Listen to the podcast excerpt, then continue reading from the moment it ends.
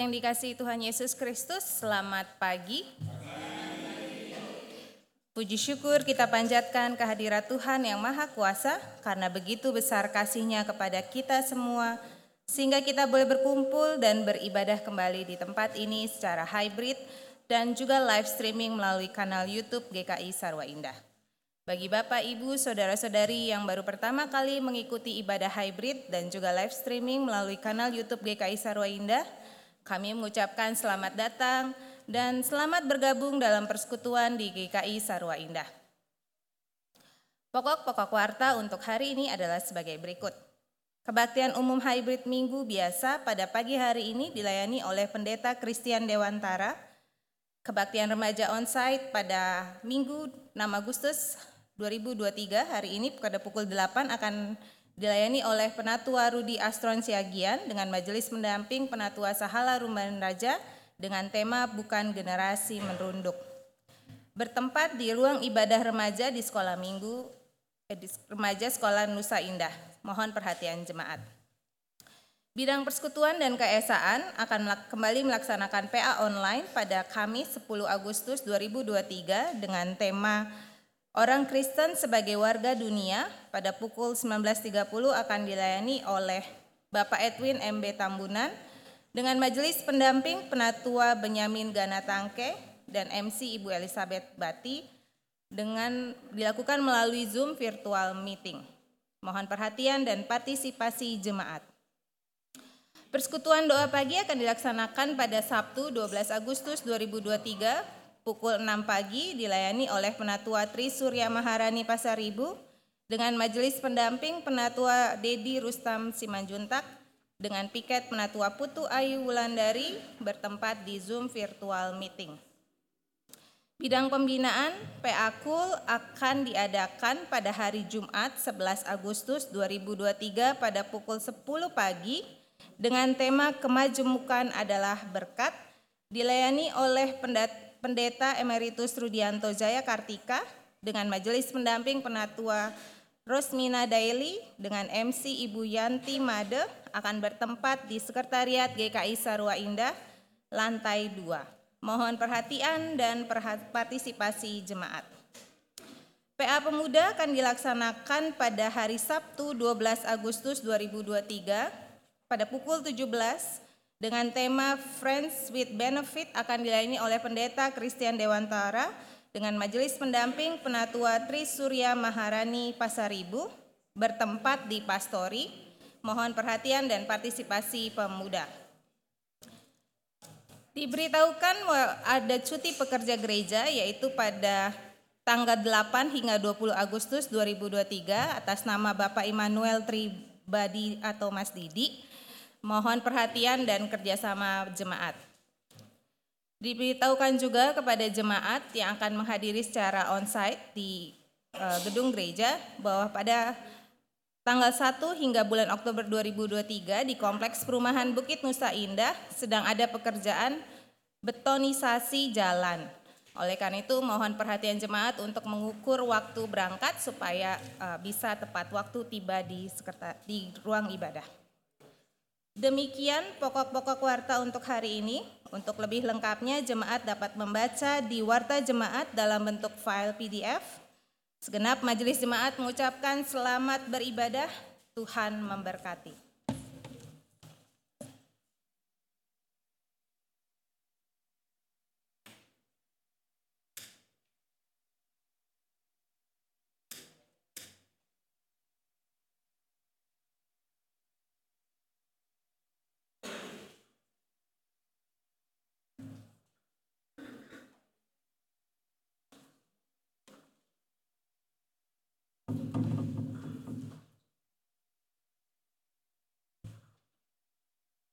Mari saudara kita angkat pujian bagi Allah, biarlah lidah kita mengaku bahwa Tuhan Yesus adalah Tuhan.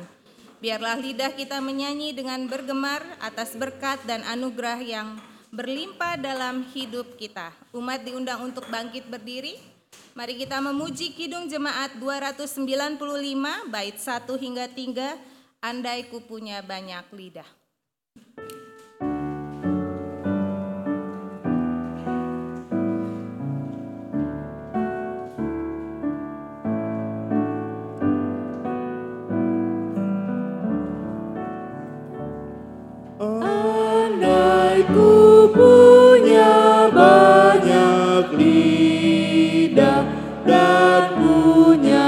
soir.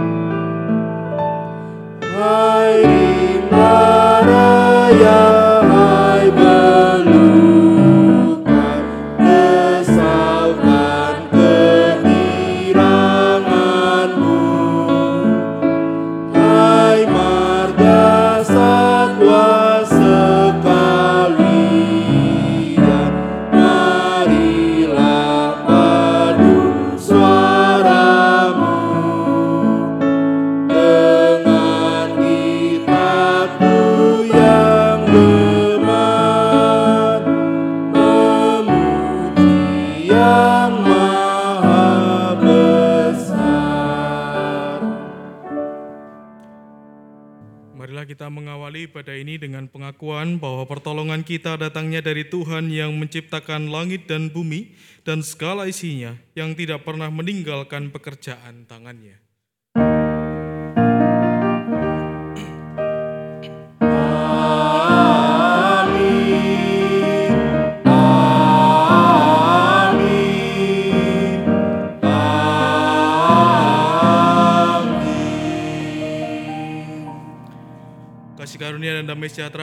Allah Bapa kita dan dari Tuhan Yesus Kristus menyertai saudara sekalian. Dan menyertai saudara juga.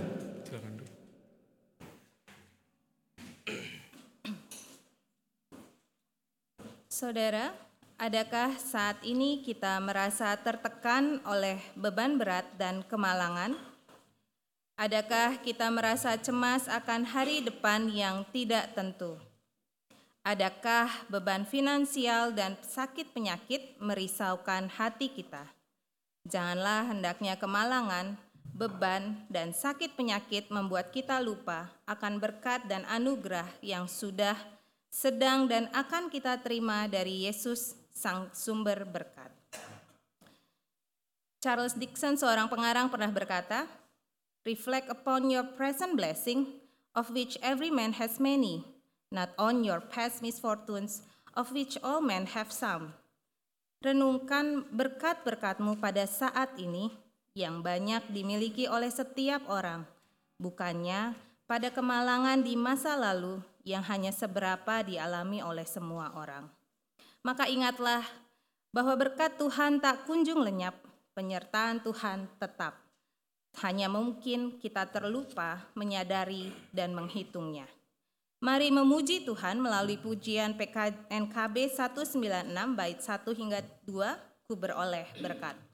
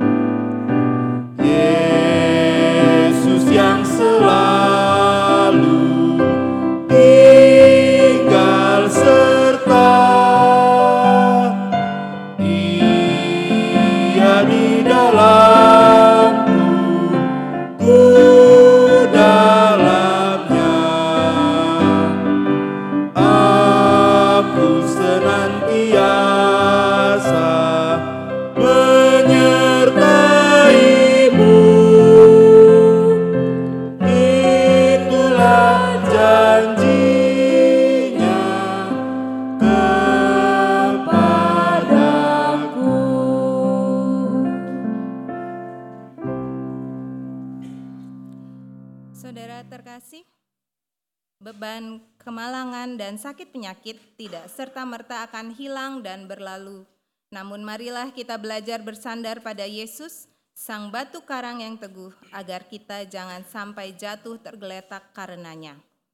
Mari saat ini kita sampaikan kesesakan dan kehampaan kita dalam doa dan permohonan kepadanya dalam doa pengakuan dosa. Umat dipersilahkan untuk berdoa pengakuan secara pribadi, lalu saya akan menutupnya dalam doa bersama. Mari kita berdoa.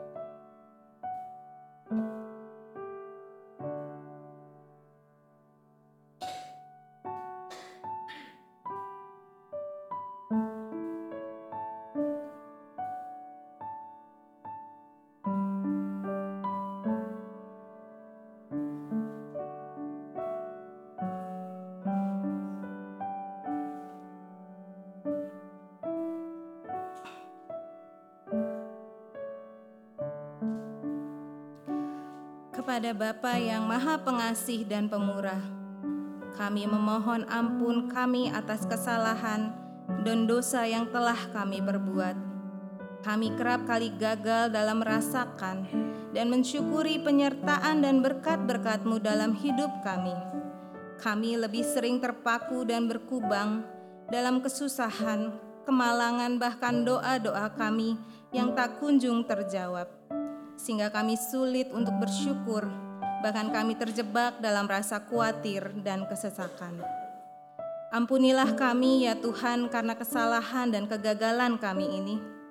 Ajarkan dan mampukanlah kami untuk dapat terus menghitung dan bersyukur atas berkat dan penyertaan-Mu dalam hidup kami, sehingga kami pun dapat dengan mudah melanjutkannya kepada lingkungan di sekitar kami.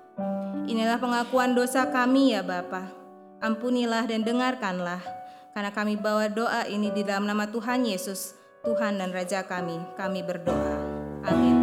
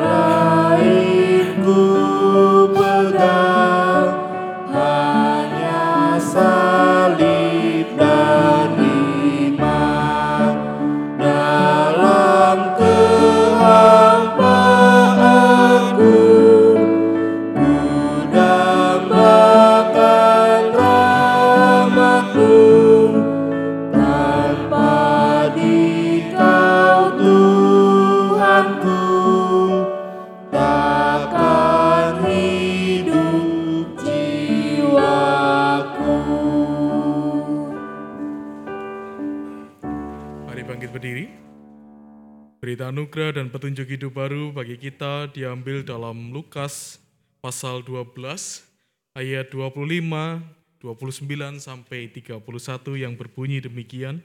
Siapakah di antara kamu yang karena kekhawatirannya dapat menambahkan sehasta pada jalan hidupnya? Jadi janganlah kamu mempersoalkan apa yang akan kamu makan atau apa yang akan kamu minum, dan janganlah cemas hatimu. Semua itu dicari bangsa-bangsa di dunia yang tidak mengenal Allah. Akan tetapi Bapamu tahu bahwa kamu memang memerlukan semuanya itu.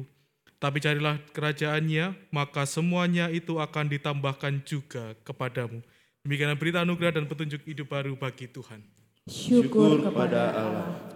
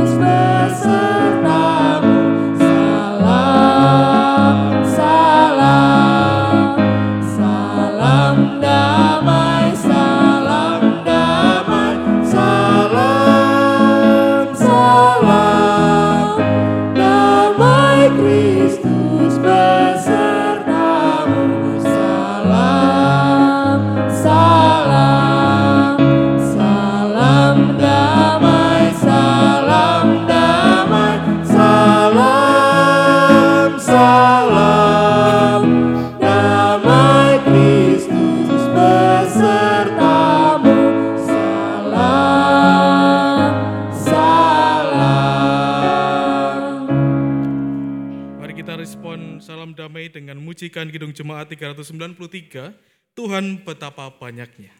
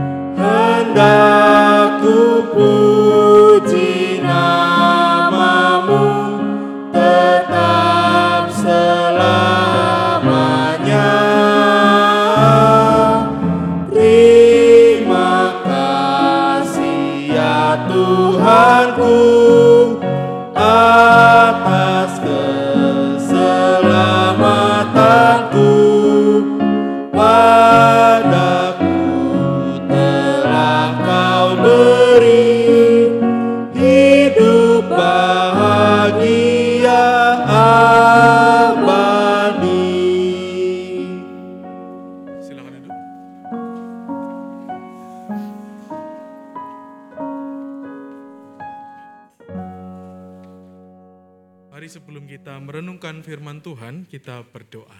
Mari berdoa. Tuhan begitu banyak berkat yang kami rasakan hari demi hari dalam kehidupan kami. Ketika kami bangun, memulai aktivitas, bahkan dalam istirahat kami, Tuhan senantiasa memelihara kami melalui segala hal yang kami butuhkan. Dan salah satu berkat yang senantiasa kami syukuri dan kami nantikan adalah ketika kami juga dapat mendengarkan firman Tuhan. Dan bila sebentar firman ini akan diberitakan, Tuhan kiranya boleh menolong dan menjaga kami, agar firman yang diberitakan juga boleh kami nyatakan dalam kehidupan kami. Dan kami boleh semakin mengingat bahwa kasih-Mu tetap tinggal dalam kehidupan kami. Berkatilah hambamu yang jauh dari sempurna ini Tuhan. Tuhan kiranya tolong dan mampukan. Biarlah setiap perkataan yang keluar dari mulut hamba hanya karena kehendak-Mu saja. Demi Kristus kami berdoa. Amin. Pembacaan kitab Yesaya pasal 55 ayat 1 sampai dengan ayatnya yang kelima. Pembacaan kitab Yesaya pasal 55 ayat 1 sampai dengan ayatnya yang kelima. Ayo, hai semua orang yang haus, marilah dan minumlah air. Dan hai orang yang tidak mempunyai uang, marilah. Terimalah gandum tanpa uang pembeli dan makanlah. Juga anggur dan susu tanpa bayaran. Mengapakah kamu belanjakan uang untuk sesuatu yang bukan roti dan upah jeripayamu untuk sesuatu yang tidak mengenyangkan? Dengarkanlah aku, maka kamu akan memakan yang baik dan kamu akan menikmati sajian yang paling lesat. Sendengkanlah telingamu dan datanglah kepadaku. Dengarkanlah, maka kamu akan hidup. Aku hendak mengikat perjanjian abadi dengan kamu, menurut kasih setia yang teguh yang kujanjikan kepada Daud. Sesungguhnya aku telah menetapkan dia menjadi saksi bagi bangsa-bangsa, menjadi seorang raja dan pemerintah bagi suku-suku bangsa. Sesungguhnya engkau akan memanggil bangsa yang tidak kau kenal dan bangsa yang tidak mengenal engkau akan berlari kepadamu oleh karena Tuhan Allahmu dan karena Yang Maha Kudus Allah Israel yang mengagungkan engkau. Demikianlah sabda Tuhan. Syukur kepada Allah.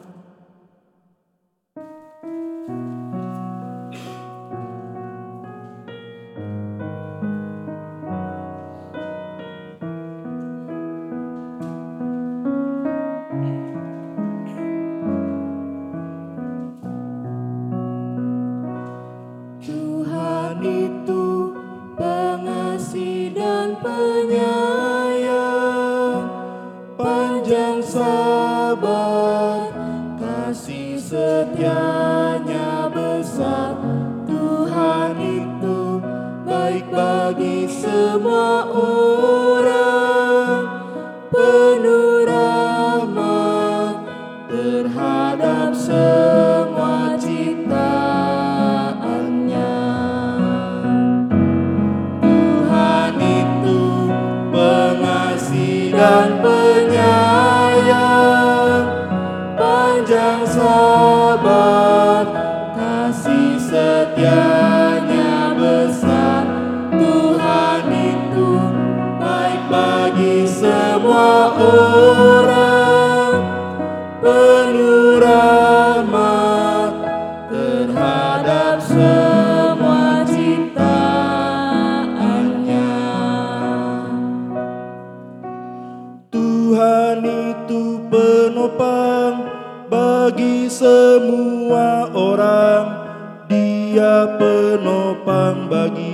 semua yang jatuh. Tuhan itu penegak bagi semua orang. Dia penegak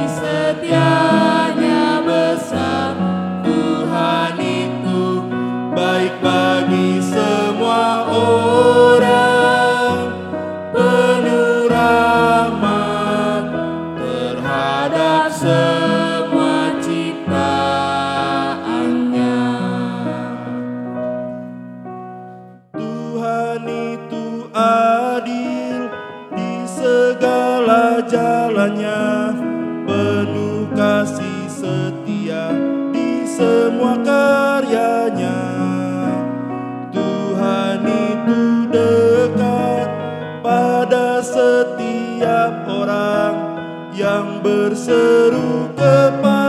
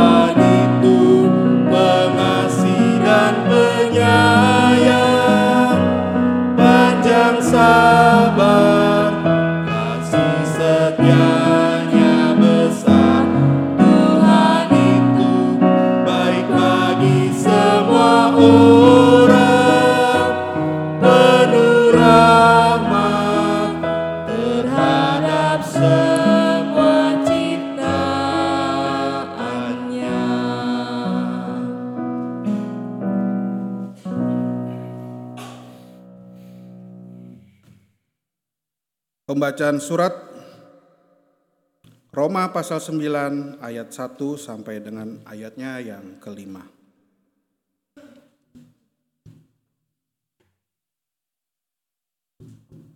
Roma pasal 9 ayat ke-1 sampai dengan ayatnya yang kelima.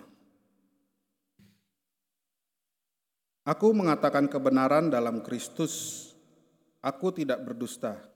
Suara hatiku turut bersaksi dalam Roh Kudus bahwa aku sangat bersuka cita dan selalu bersedih hati.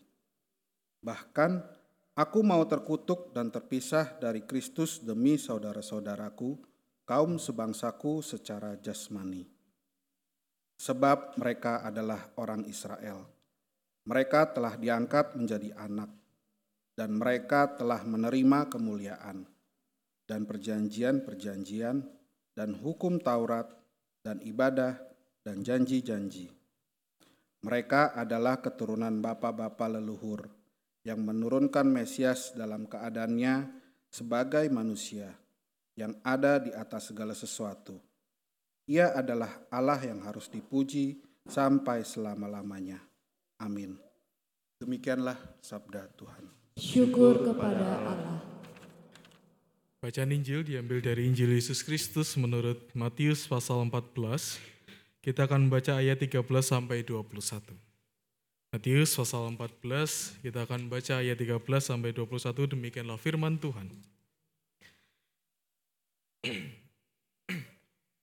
Setelah Yesus mendengar berita itu, menyingkirlah ia dari situ seorang diri dengan perahu ke tempat yang terpencil. Mendengar hal itu, orang banyak mengikuti dia dengan mengambil jalan darat dari kota-kota mereka. Ketika Yesus mendarat, ia melihat orang banyak yang besar jumlahnya. Tergeraklah hatinya oleh belas kasihan kepada mereka dan ia menyembuhkan mereka yang sakit. Menjelang malam, murid-muridnya datang kepadanya dan berkata, Tempat ini terpencil dan hari mulai malam. Suruhlah orang banyak itu pergi ke desa-desa supaya dapat membeli makanan bagi mereka sendiri. Yesus berkata kepada mereka, tidak perlu mereka pergi, mereka pergi. Kamu harus memberi mereka makan. Jawab mereka, yang ada pada kami di sini hanya lima roti dan dua ikan. Yesus berkata, bawalah kemari kepadaku. Lalu ia menyuruh orang banyak itu duduk di rumput. Setelah mengambil lima roti dan dua ikan itu, Yesus menengadah ke langit dan mengucap syukur. Ia memecah-mecahkan roti itu dan memberikannya kepada murid-muridnya, lalu murid-muridnya memberikannya kepada orang banyak. Mereka semuanya makan sampai kenyang. Kemudian mereka mengumpulkan potongan-potongan roti yang tersisa sebanyak 12 bakul penuh. Yang makan kira-kira 5.000 laki-laki, belum termasuk perempuan dan anak-anak. Demikianlah Injil Yesus Kristus yang berbahagia adalah kita yang boleh membaca dan mendengarkan firman Allah dan yang memeliharanya dalam kehidupan hari lepas hari. Haleluya. Ya,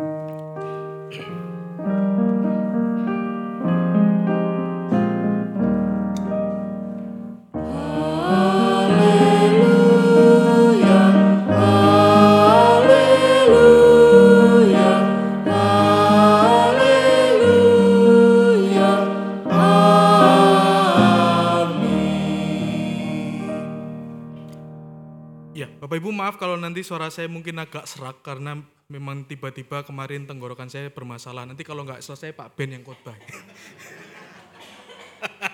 Iya, canda.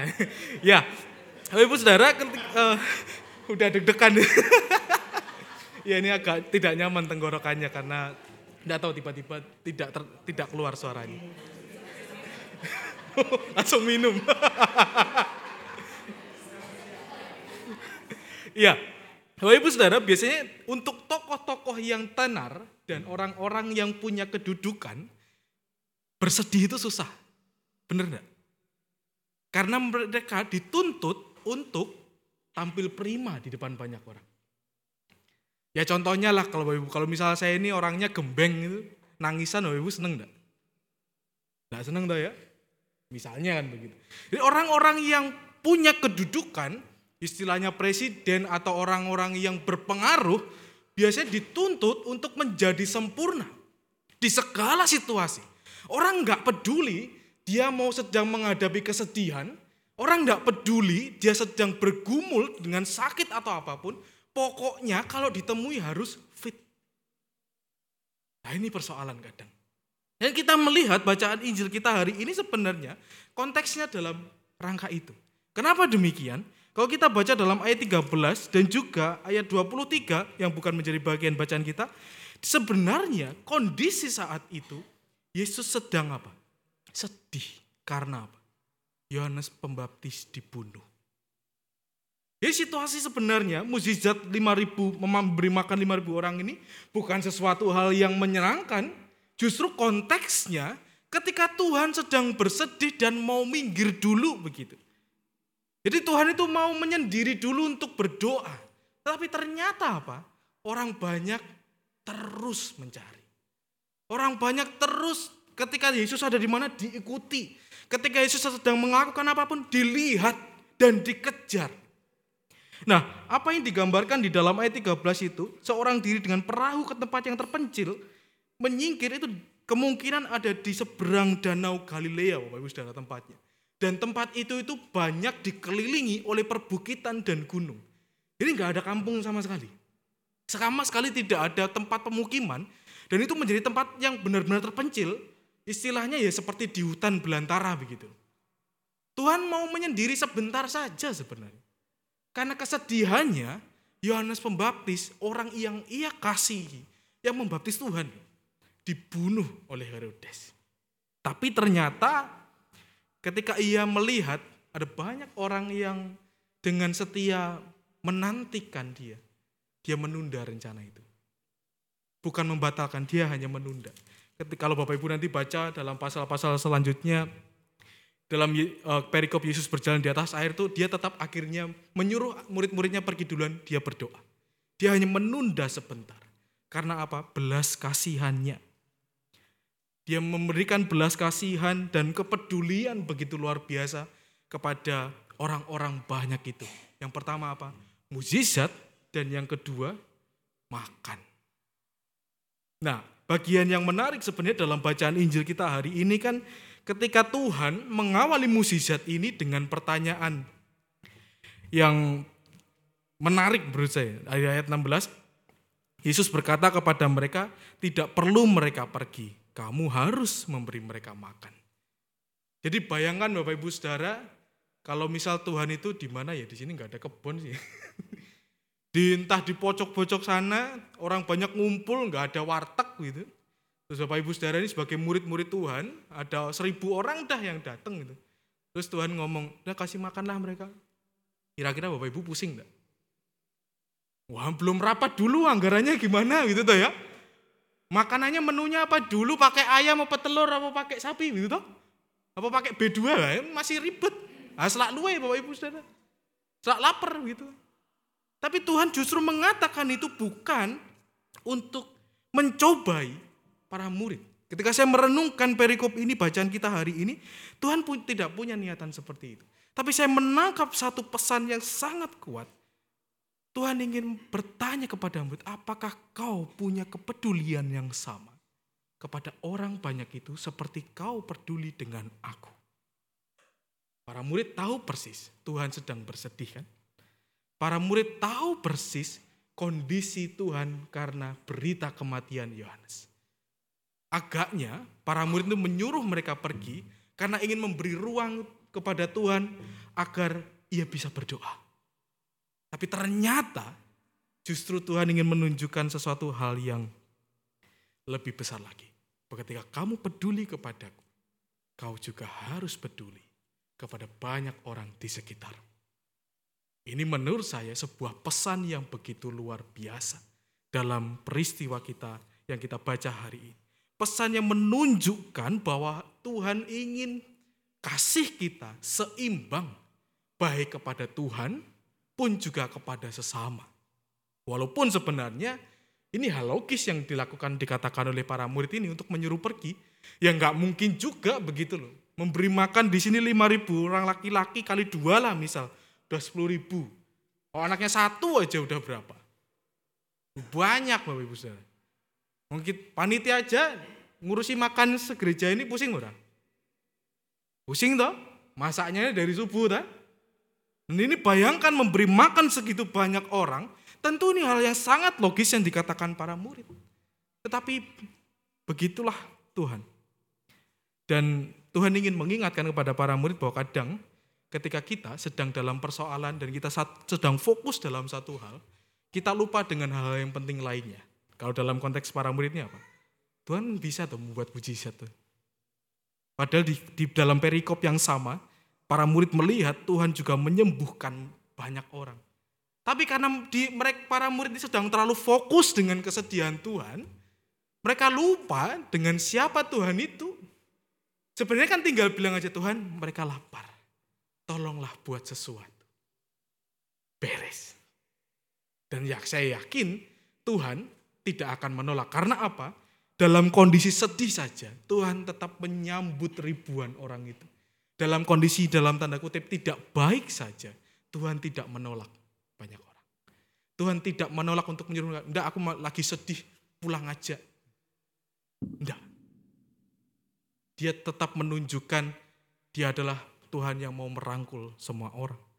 Jadi apa yang di dalam bacaan kita hari ini kita belajar, yang pertama adalah bagaimana Kristus menunjukkan kasih itu harus seimbang Bapak Ibu Saudara baik kepada Tuhan dan sesama. Jadi, ke gereja itu penting? Ya. Baik kepada orang? Ya. Tidak ada yang jauh lebih penting daripada itu. Keduanya harus berjalan seimbang. Seringkan orang mengatakan, ah nggak usah gereja yang penting saya baik sama orang. Ah nggak usah lah saya melayani, yang penting saya nggak ngerecokin tetangga saya begitu ya. Atau sebaliknya, Loh aku kan sudah aktif ke gereja melayani, bodoh amat saya musuhan sama tetangga saya. Banyak orang bertindak seperti itu. Tapi kita belajar hari ini bahwa yang pertama kali dalam segala sesuatu yang harus kita lakukan seperti Kristus menyatakan belas kasihnya, kita harus juga menunjukkan kasih yang seimbang. Kalau kita secara nyata ingin menjadi orang Kristen, maka ini harus nyata juga mewujud kepada orang dan orang harus merasakan apa yang kita nyatakan. Dan ada hal yang penting juga dalam hal ini ketika kita menunjukkan kasih yang seimbang itu. Ada janji Allah bahwa ia tidak akan pernah menolak kita. Ada janji bahwa Allah tidak akan pernah meninggalkan kita. Karena itu jangan pernah takut ketika kita sedang menyatakan kebaikan kepada orang lalu Tuhan melupakan kita. Enggak. Jangan pernah takut Bapak Ibu Saudara. Nanti Jangan berpikiran begini, waduh aku nanti baik sama orang, ikut melayani di masyarakat, gek Tuhan lupa sama saya. Enggak. Kalau manusia ya mungkin lupa, tetapi Tuhan tidak akan pernah lupa dengan kita. Dia akan terus menyambut dan juga merangkuh kita. Yang kedua, kita bisa belajar tentang apa? Bahwa Tuhan menyatakan kebaikan bagi kita itu melalui sesuatu yang kita miliki. Ya. Bukan sesuatu yang belum kita miliki. Tuhan menyatakan sesuatu kepada kita, menolong kita, bahkan bukan melalui hal yang besar yang kita miliki. Melalui apa? Hal yang sederhana dan kecil. Bapak Ibu Saudara, namanya mujizat itu kan ketika sesuatu yang kecil melampaui dari apa yang dia tidak bisa lakukan. Kan? Ya kalau sesuatu yang besar mengerjakan yang besar bukan mujizat. Betul? Tetapi ketika itu kecil, sederhana, dihitung nggak terlalu penting, tapi itu bisa melakukan sesuatu yang melampaui dirinya, itu baru mukjizat. Nah, oleh karena itu Bapak Ibu Saudara, ketika kita merindukan mukjizat Allah, ya jangan sepelekan hidup kita. Jangan pernah minder dengan kehidupan kita. Jangan pernah malu dengan apa yang kita miliki. Nah, kalau lagu Jawa dulu yang berapa waktu yang lalu sempat viral itu kan, ojo dibanding-banding ke begitu kan ya. Kita sering kali lupa dengan apa yang kita miliki itu juga sama-sama berharganya dengan apa yang dimiliki oleh orang lain. Tapi kita sering kali melihat rumput tetangga lebih hijau. Padahal hijaunya juga dicat kadang kan. Ya mungkin saja toh. Ya kita tidak tahu. Kenapa lebih hijau? Apakah dicat? Atau memang dirawat dengan betul? Tapi sering kali kita merasa, wah punya aku ini tidak berharga. Kok orang itu hidupnya lebih enak ya? Wah Tuhan tidak sayang dengan aku. Bukankah sering kali itu yang kita rasakan? Oh orang itu kok lebih enak ya? Padahal kalau dihitung-hitung dia lebih jahat daripada saya. Loh.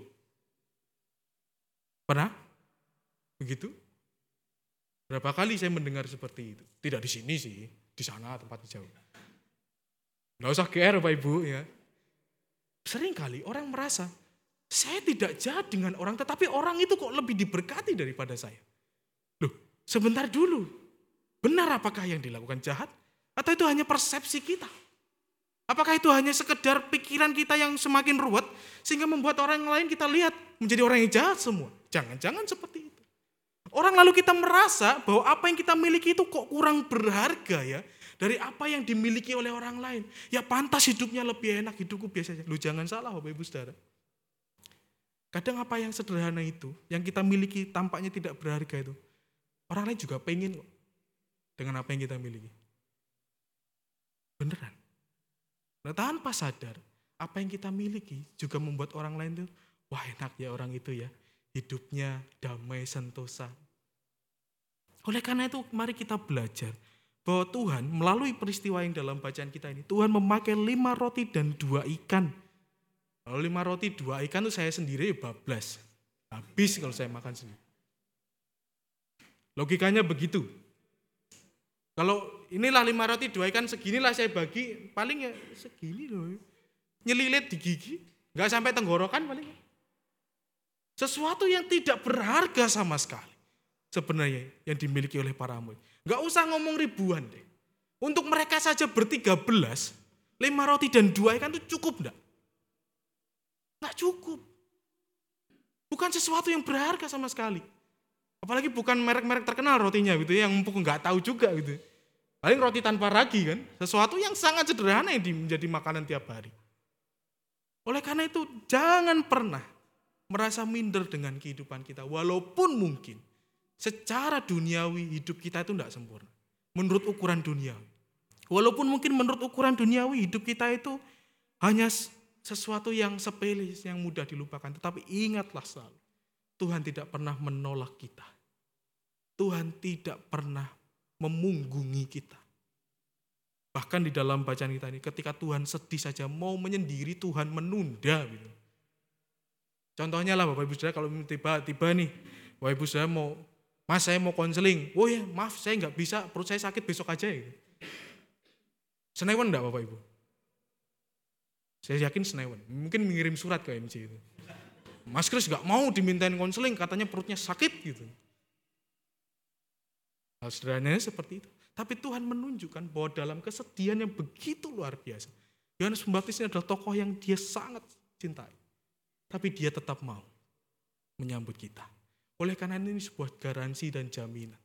Jangan pernah takut untuk datang ke hadapan Allah. Jangan pernah takut untuk berdoa. Jangan pernah takut untuk meminta. Jangan pernah takut untuk merasa lemah di hadapan Allah. Justru seperti kata Paulus, ketika aku lemah, maka kekuatan Tuhan sungguh menjadi sempurna. Ketika kita lemah, kita justru akan merasakan pertolongan Tuhan seperti para murid. Seandainya coba para murid ini punya rotinya satu truk itu, gak mungkin mukjizat ini terjadi. Dan mereka tidak akan merasakan mukjizat Tuhan, tidak akan merasakan pertolongan Tuhan. Dan yang ketiga, kita bisa belajar kalau kita tema kita hari ini Yesus sang sumber berkat Bukankah sering kali kita ini jatuh pada dikotomi memisahkan jasmani dan rohani toh? Betul? Coba kalau doa makan Bapak Ibu gimana? Terima kasih untuk berkat jasmani yang Tuhan berikan. Begitu? Atau enggak doa? Loh, ini. Tiba-tiba, wes Tuhan kayak biasanya, lep gitu. Tapi sering kali ketika kita berdoa, bukankah sering kali kita hanya berbicara itu? Tuhan terima kasih untuk berkat jasmani. Bapak Ibu Saudara, makanan itu apakah cuma berkat jasmani? Iya. Hanya berkat jasmani? Juga rohani kan? Di dalam makanan yang kita makan itu bukankah itu wujud apa? Pemeliharaan Tuhan. Wujud kehadiran Tuhan. Wujud Tuhan peduli dengan kebutuhan perut kita. Tidak hanya makanan. Pekerjaan yang kita geluti hari demi hari, apakah itu hanya berkat jasmani? Tidak. Dalam segala sesuatu yang kita kerjakan, itu selalu berkaitan antara jasmani dan rohani itu satu kesatuan. Jadi jangan memisahkan antara rohani, oh firman Tuhan yang rohani, makanan itu jasmani gitu. Enggak, Bapak Saudara. Seharusnya dalam makan pun kita juga mampu menghayati bahwa itu pemeliharaan Tuhan. Mau nasi teri, mau nasi sama tempe, mau nasi sama telur, mau B2, mau sapi, apa pun itu. Itu wujud pemeliharaan Tuhan. Bapak Ibu Saudara kalau senang makan makanan Jepang, selalu kan kalau mau makan dibilang apa? Itadakimasu gitu kan. Alah, belibet itu selesai. Itadakimasu gitu kan. Ah, boh itulah ya pokoknya kan. Kalau Bapak Ibu makan di tempat makanan Jepang itu, itadakimasu itu. Orang Indonesia menghayati itu apa katanya? Selamat makan. Padahal aslinya enggak, enggak seperti itu loh. Itu lebih dalam lagi. Jadi kata-kata ini pertama kali muncul setelah saya searching dalam beberapa sumber, itu muncul ketika mereka setelah Perang Dunia Kedua. Sering dipakai kata-kata ini. Karena apa? Mereka sedang kalah hancur-hancuran. Kalau Bapak Ibu nonton film Oppenheimer, bom atom terbesar itu saat itu, setelah peristiwa Nagasaki dan Hiroshima itu, Jepang itu dalam kondisi yang hancur. Jadi ketika mereka makan, mereka mengatakan itadakimasu. Itu sebuah rasa syukur karena mereka bisa makan hari itu. Dan adalah makna yang lebih dalam lagi. Bukankah apa yang kita makan itu juga berkaitan dengan pengorbanan ciptaan Tuhan yang lain? Bapak Ibu mau makan B2 hidup. Nah, ditendang toh ya. Betul? Bapak Ibu mau makan ayam hidup. Dari sepak kita. Bukankah apa yang kita makan itu juga sebuah rantai ketika ada pihak lain yang berkorban? Betul? Tumbuhan saja, kita makan kangkung, sawi, pokcoy, itu kan juga dicabut tuh dari hidupnya. Dia mati dan kita makan. Kita pun demikian, nanti kita mati dimakan sama tanah, sama cacing. Ya kan? Hidup kita ada dalam sebuah siklus yang tidak pernah berhenti. Dan itulah seharusnya kita menghayati berkat Tuhan. Kenapa?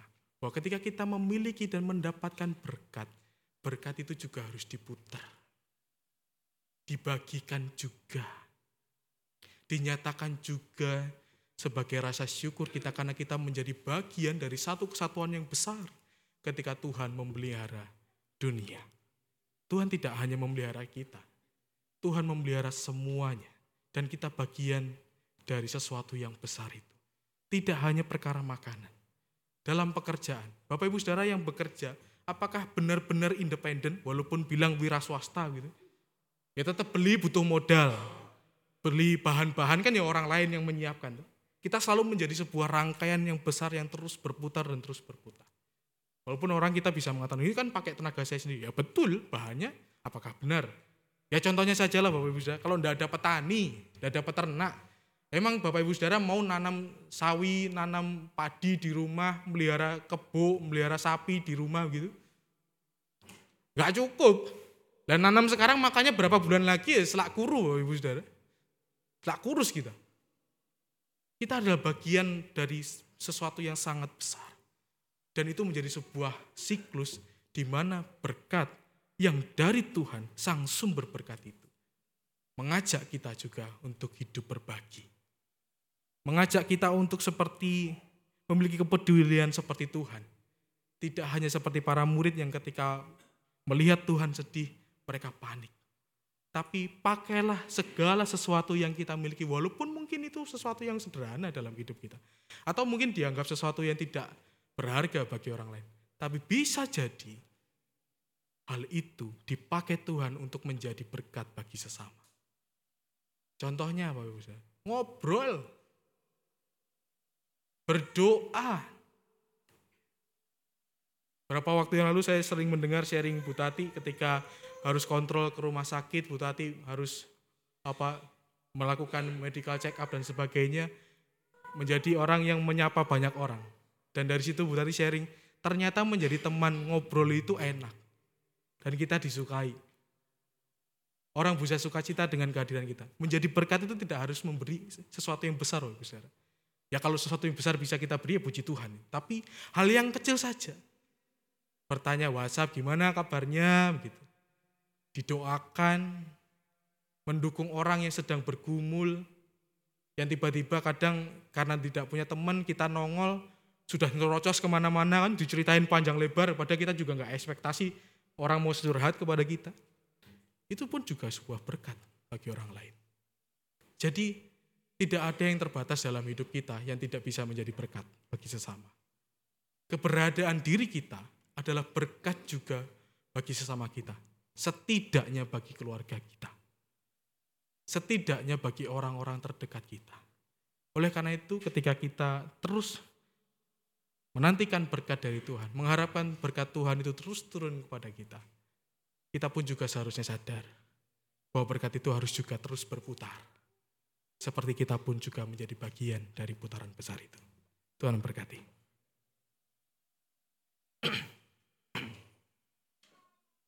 Kita akan mendengarkan persembahan pujian dari PS Naomi dengan judul lagu Pujilah Tuhan Hai Segenap Umatnya.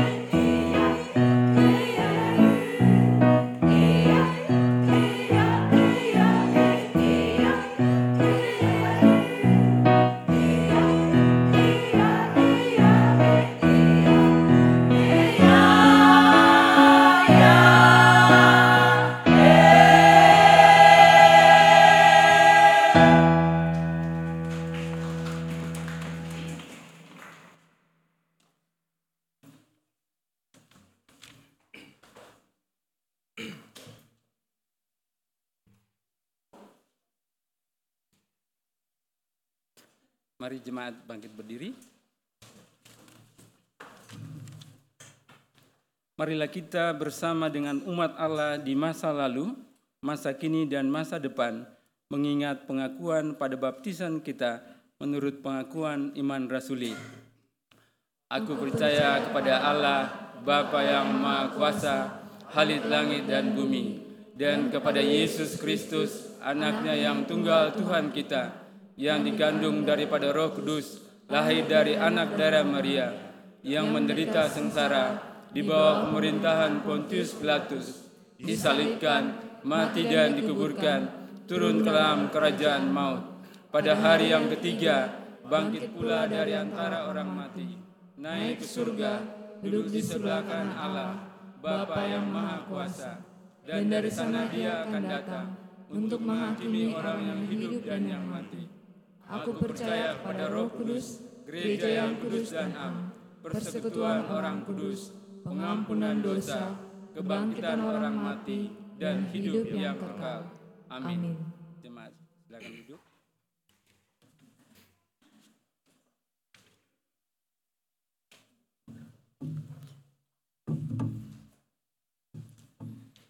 Jemaat yang dikasih Tuhan Yesus Kristus, mari kita berdoa.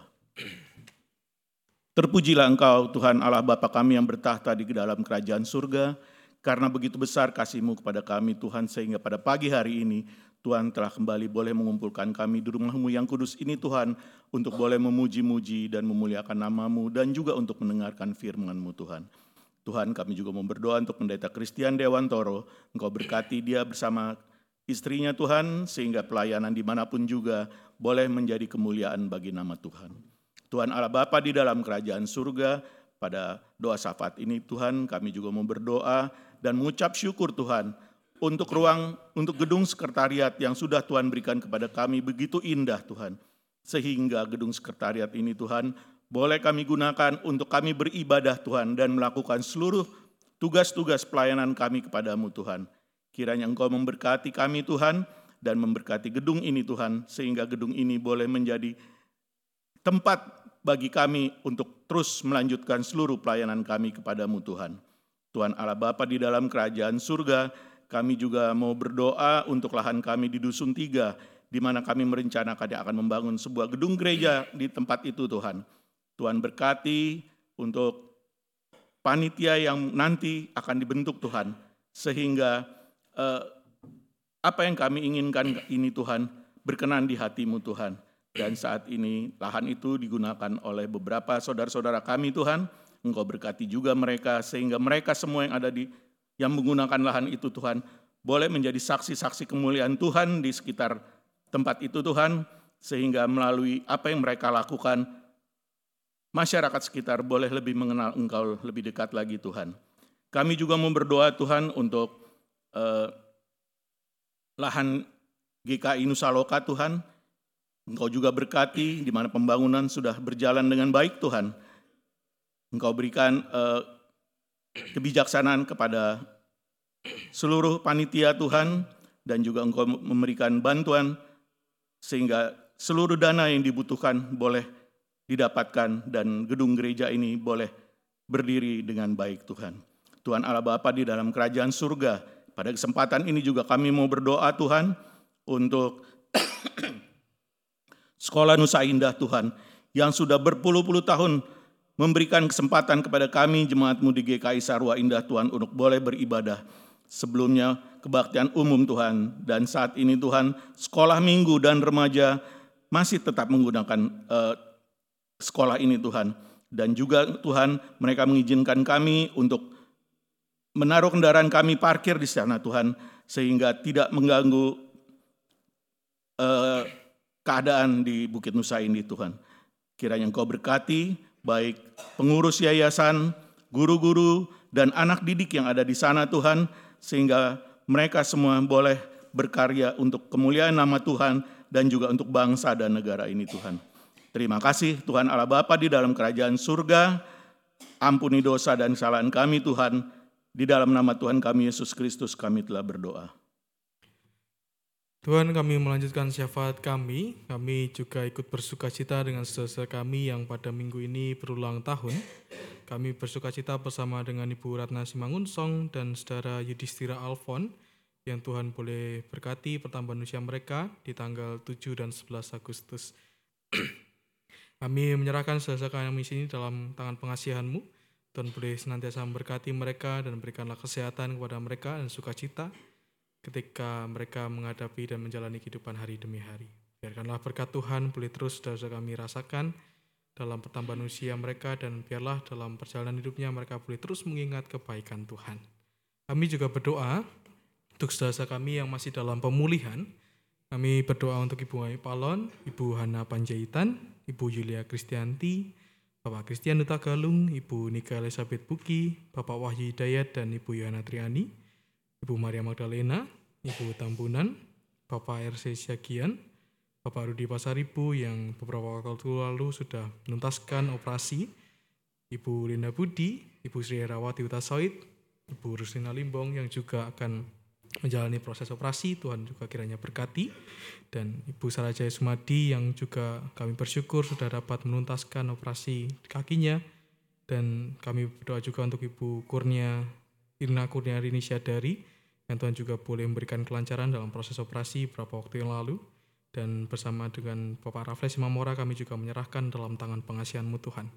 Kami menyerahkan saudara kami ini dalam proses perawatan yang dijalani hari demi hari baik ketika mereka harus check up ke rumah sakit secara rutin ataupun ketika mereka menjalani perawatan di rumah dan menjaga kehidupannya hari lepas hari Biarlah saudara kami ini tetap bijak dalam mengerjakan segala sesuatunya. Tuhan boleh pakai obat-obatan dan dokter-dokter yang di mana mereka berkonsultasi boleh menjadi menjadi perpanjangan tangan Tuhan untuk saudara kami. Tuhan kami juga berdoa untuk segenap majelis jemaat dan juga pengurus komisi kayak Sarah Indah, Tuhan kiranya boleh berkati pelayanan yang kami kerjakan dan gumuli hari demi hari. Tuhan boleh tolong dan Tuhan boleh pimpin kami, sehingga kami tetap bersatu hati dan dapat menyatakan kemuliaan Tuhan bagi setiap jemaat yang kami layani dan orang-orang sekitar yang juga boleh merasakan kasih Tuhan. Kami juga berdoa untuk segenap jemaat dan simpatisan GKI Saro Indah. Tuhan boleh berikan kelancaran dalam usaha, pekerjaan, aktivitas hari demi hari, ataupun ketika kami menjalani masa pensiun kami, Tuhan boleh menolong kami agar dalam segala hal yang kami kerjakan kami dapat terus mengingat berkat dan pemeliharaan Tuhan dan juga dapat terus bersyukur dan bersuka cita karena Tuhan menjamin kehidupan kami. Kami juga berdoa untuk bangsa dan negara kami Tuhan. Ketika bangsa dan negara kami sedang berproses untuk pemilu yang akan dilaksanakan tahun depan, Tuhan kiranya boleh memberkati agar pemilu ini dapat berjalan dengan lancar, aman, jujur, dan adil sehingga kami dapat memiliki pemimpin-pemimpin yang baik, yang mampu mengerjakan tugas tanggung jawabnya dengan baik. Ajarlah kami juga untuk memiliki kepedulian kepada bangsa kami. Dalam segala hal yang kami kerjakan, biarlah kami juga menjadi warga negara yang baik. Biarlah kami Tuhan untuk juga menyatakan kemuliaan-Mu bagi orang-orang di sekitar kami. Sehingga kami tidak hanya seperti menumpang di tempat ini, tapi kami juga boleh menyadari bahwa kami hadir saat ini di wilayah Tangsel dan di Indonesia sebagai bagian dari masyarakat. Oleh karena itu, biarlah dalam segala hal yang kami lakukan, kemuliaan Tuhan juga kiranya boleh terpancar dalam kehidupan kami. Inilah seluruh syukur dan permohonan kami Tuhan. Di dalam nama Tuhan Yesus Kristus kami berdoa demikian. kami seperti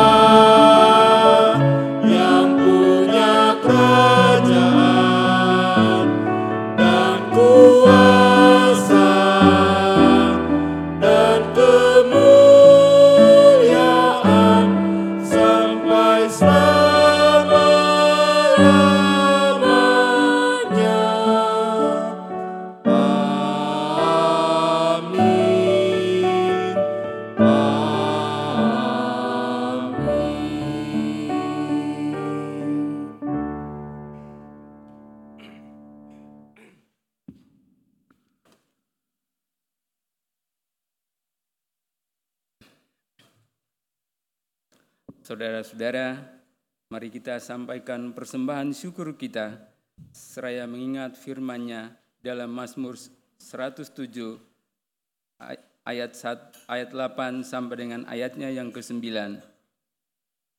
Biarlah mereka bersyukur ke- kepada Tuhan karena kasih setianya, karena perbuatan-perbuatannya yang ajaib terhadap anak-anak manusia sebab dipuaskannya jiwa yang dahaga dan jiwa yang lapar dikenyangkannya dengan kebaikan.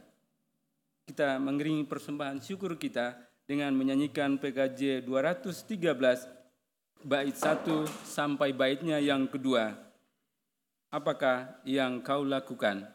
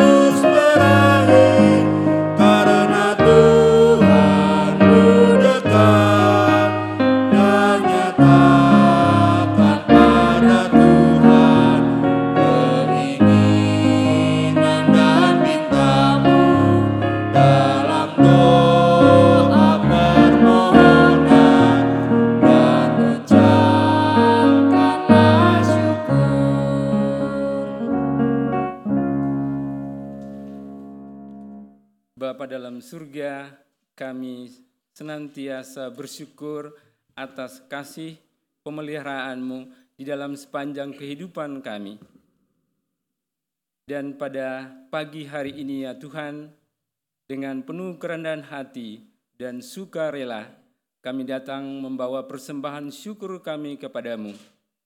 Kami mohon terima dan berkatilah ya Tuhan. Berkatilah kami semua yang diberikan tanggung jawab untuk menggunakan dan mengelola persembahan syukur ini ya Tuhan. Berkati juga apa yang ada sama kami saat ini ya Tuhan. Kiranya semuanya itu boleh kami syukuri dan kami mau berbagi untuk sesama kami yang membutuhkannya. Dalam nama anakmu Yesus Kristus kami berdoa dan bersyukur. Amin.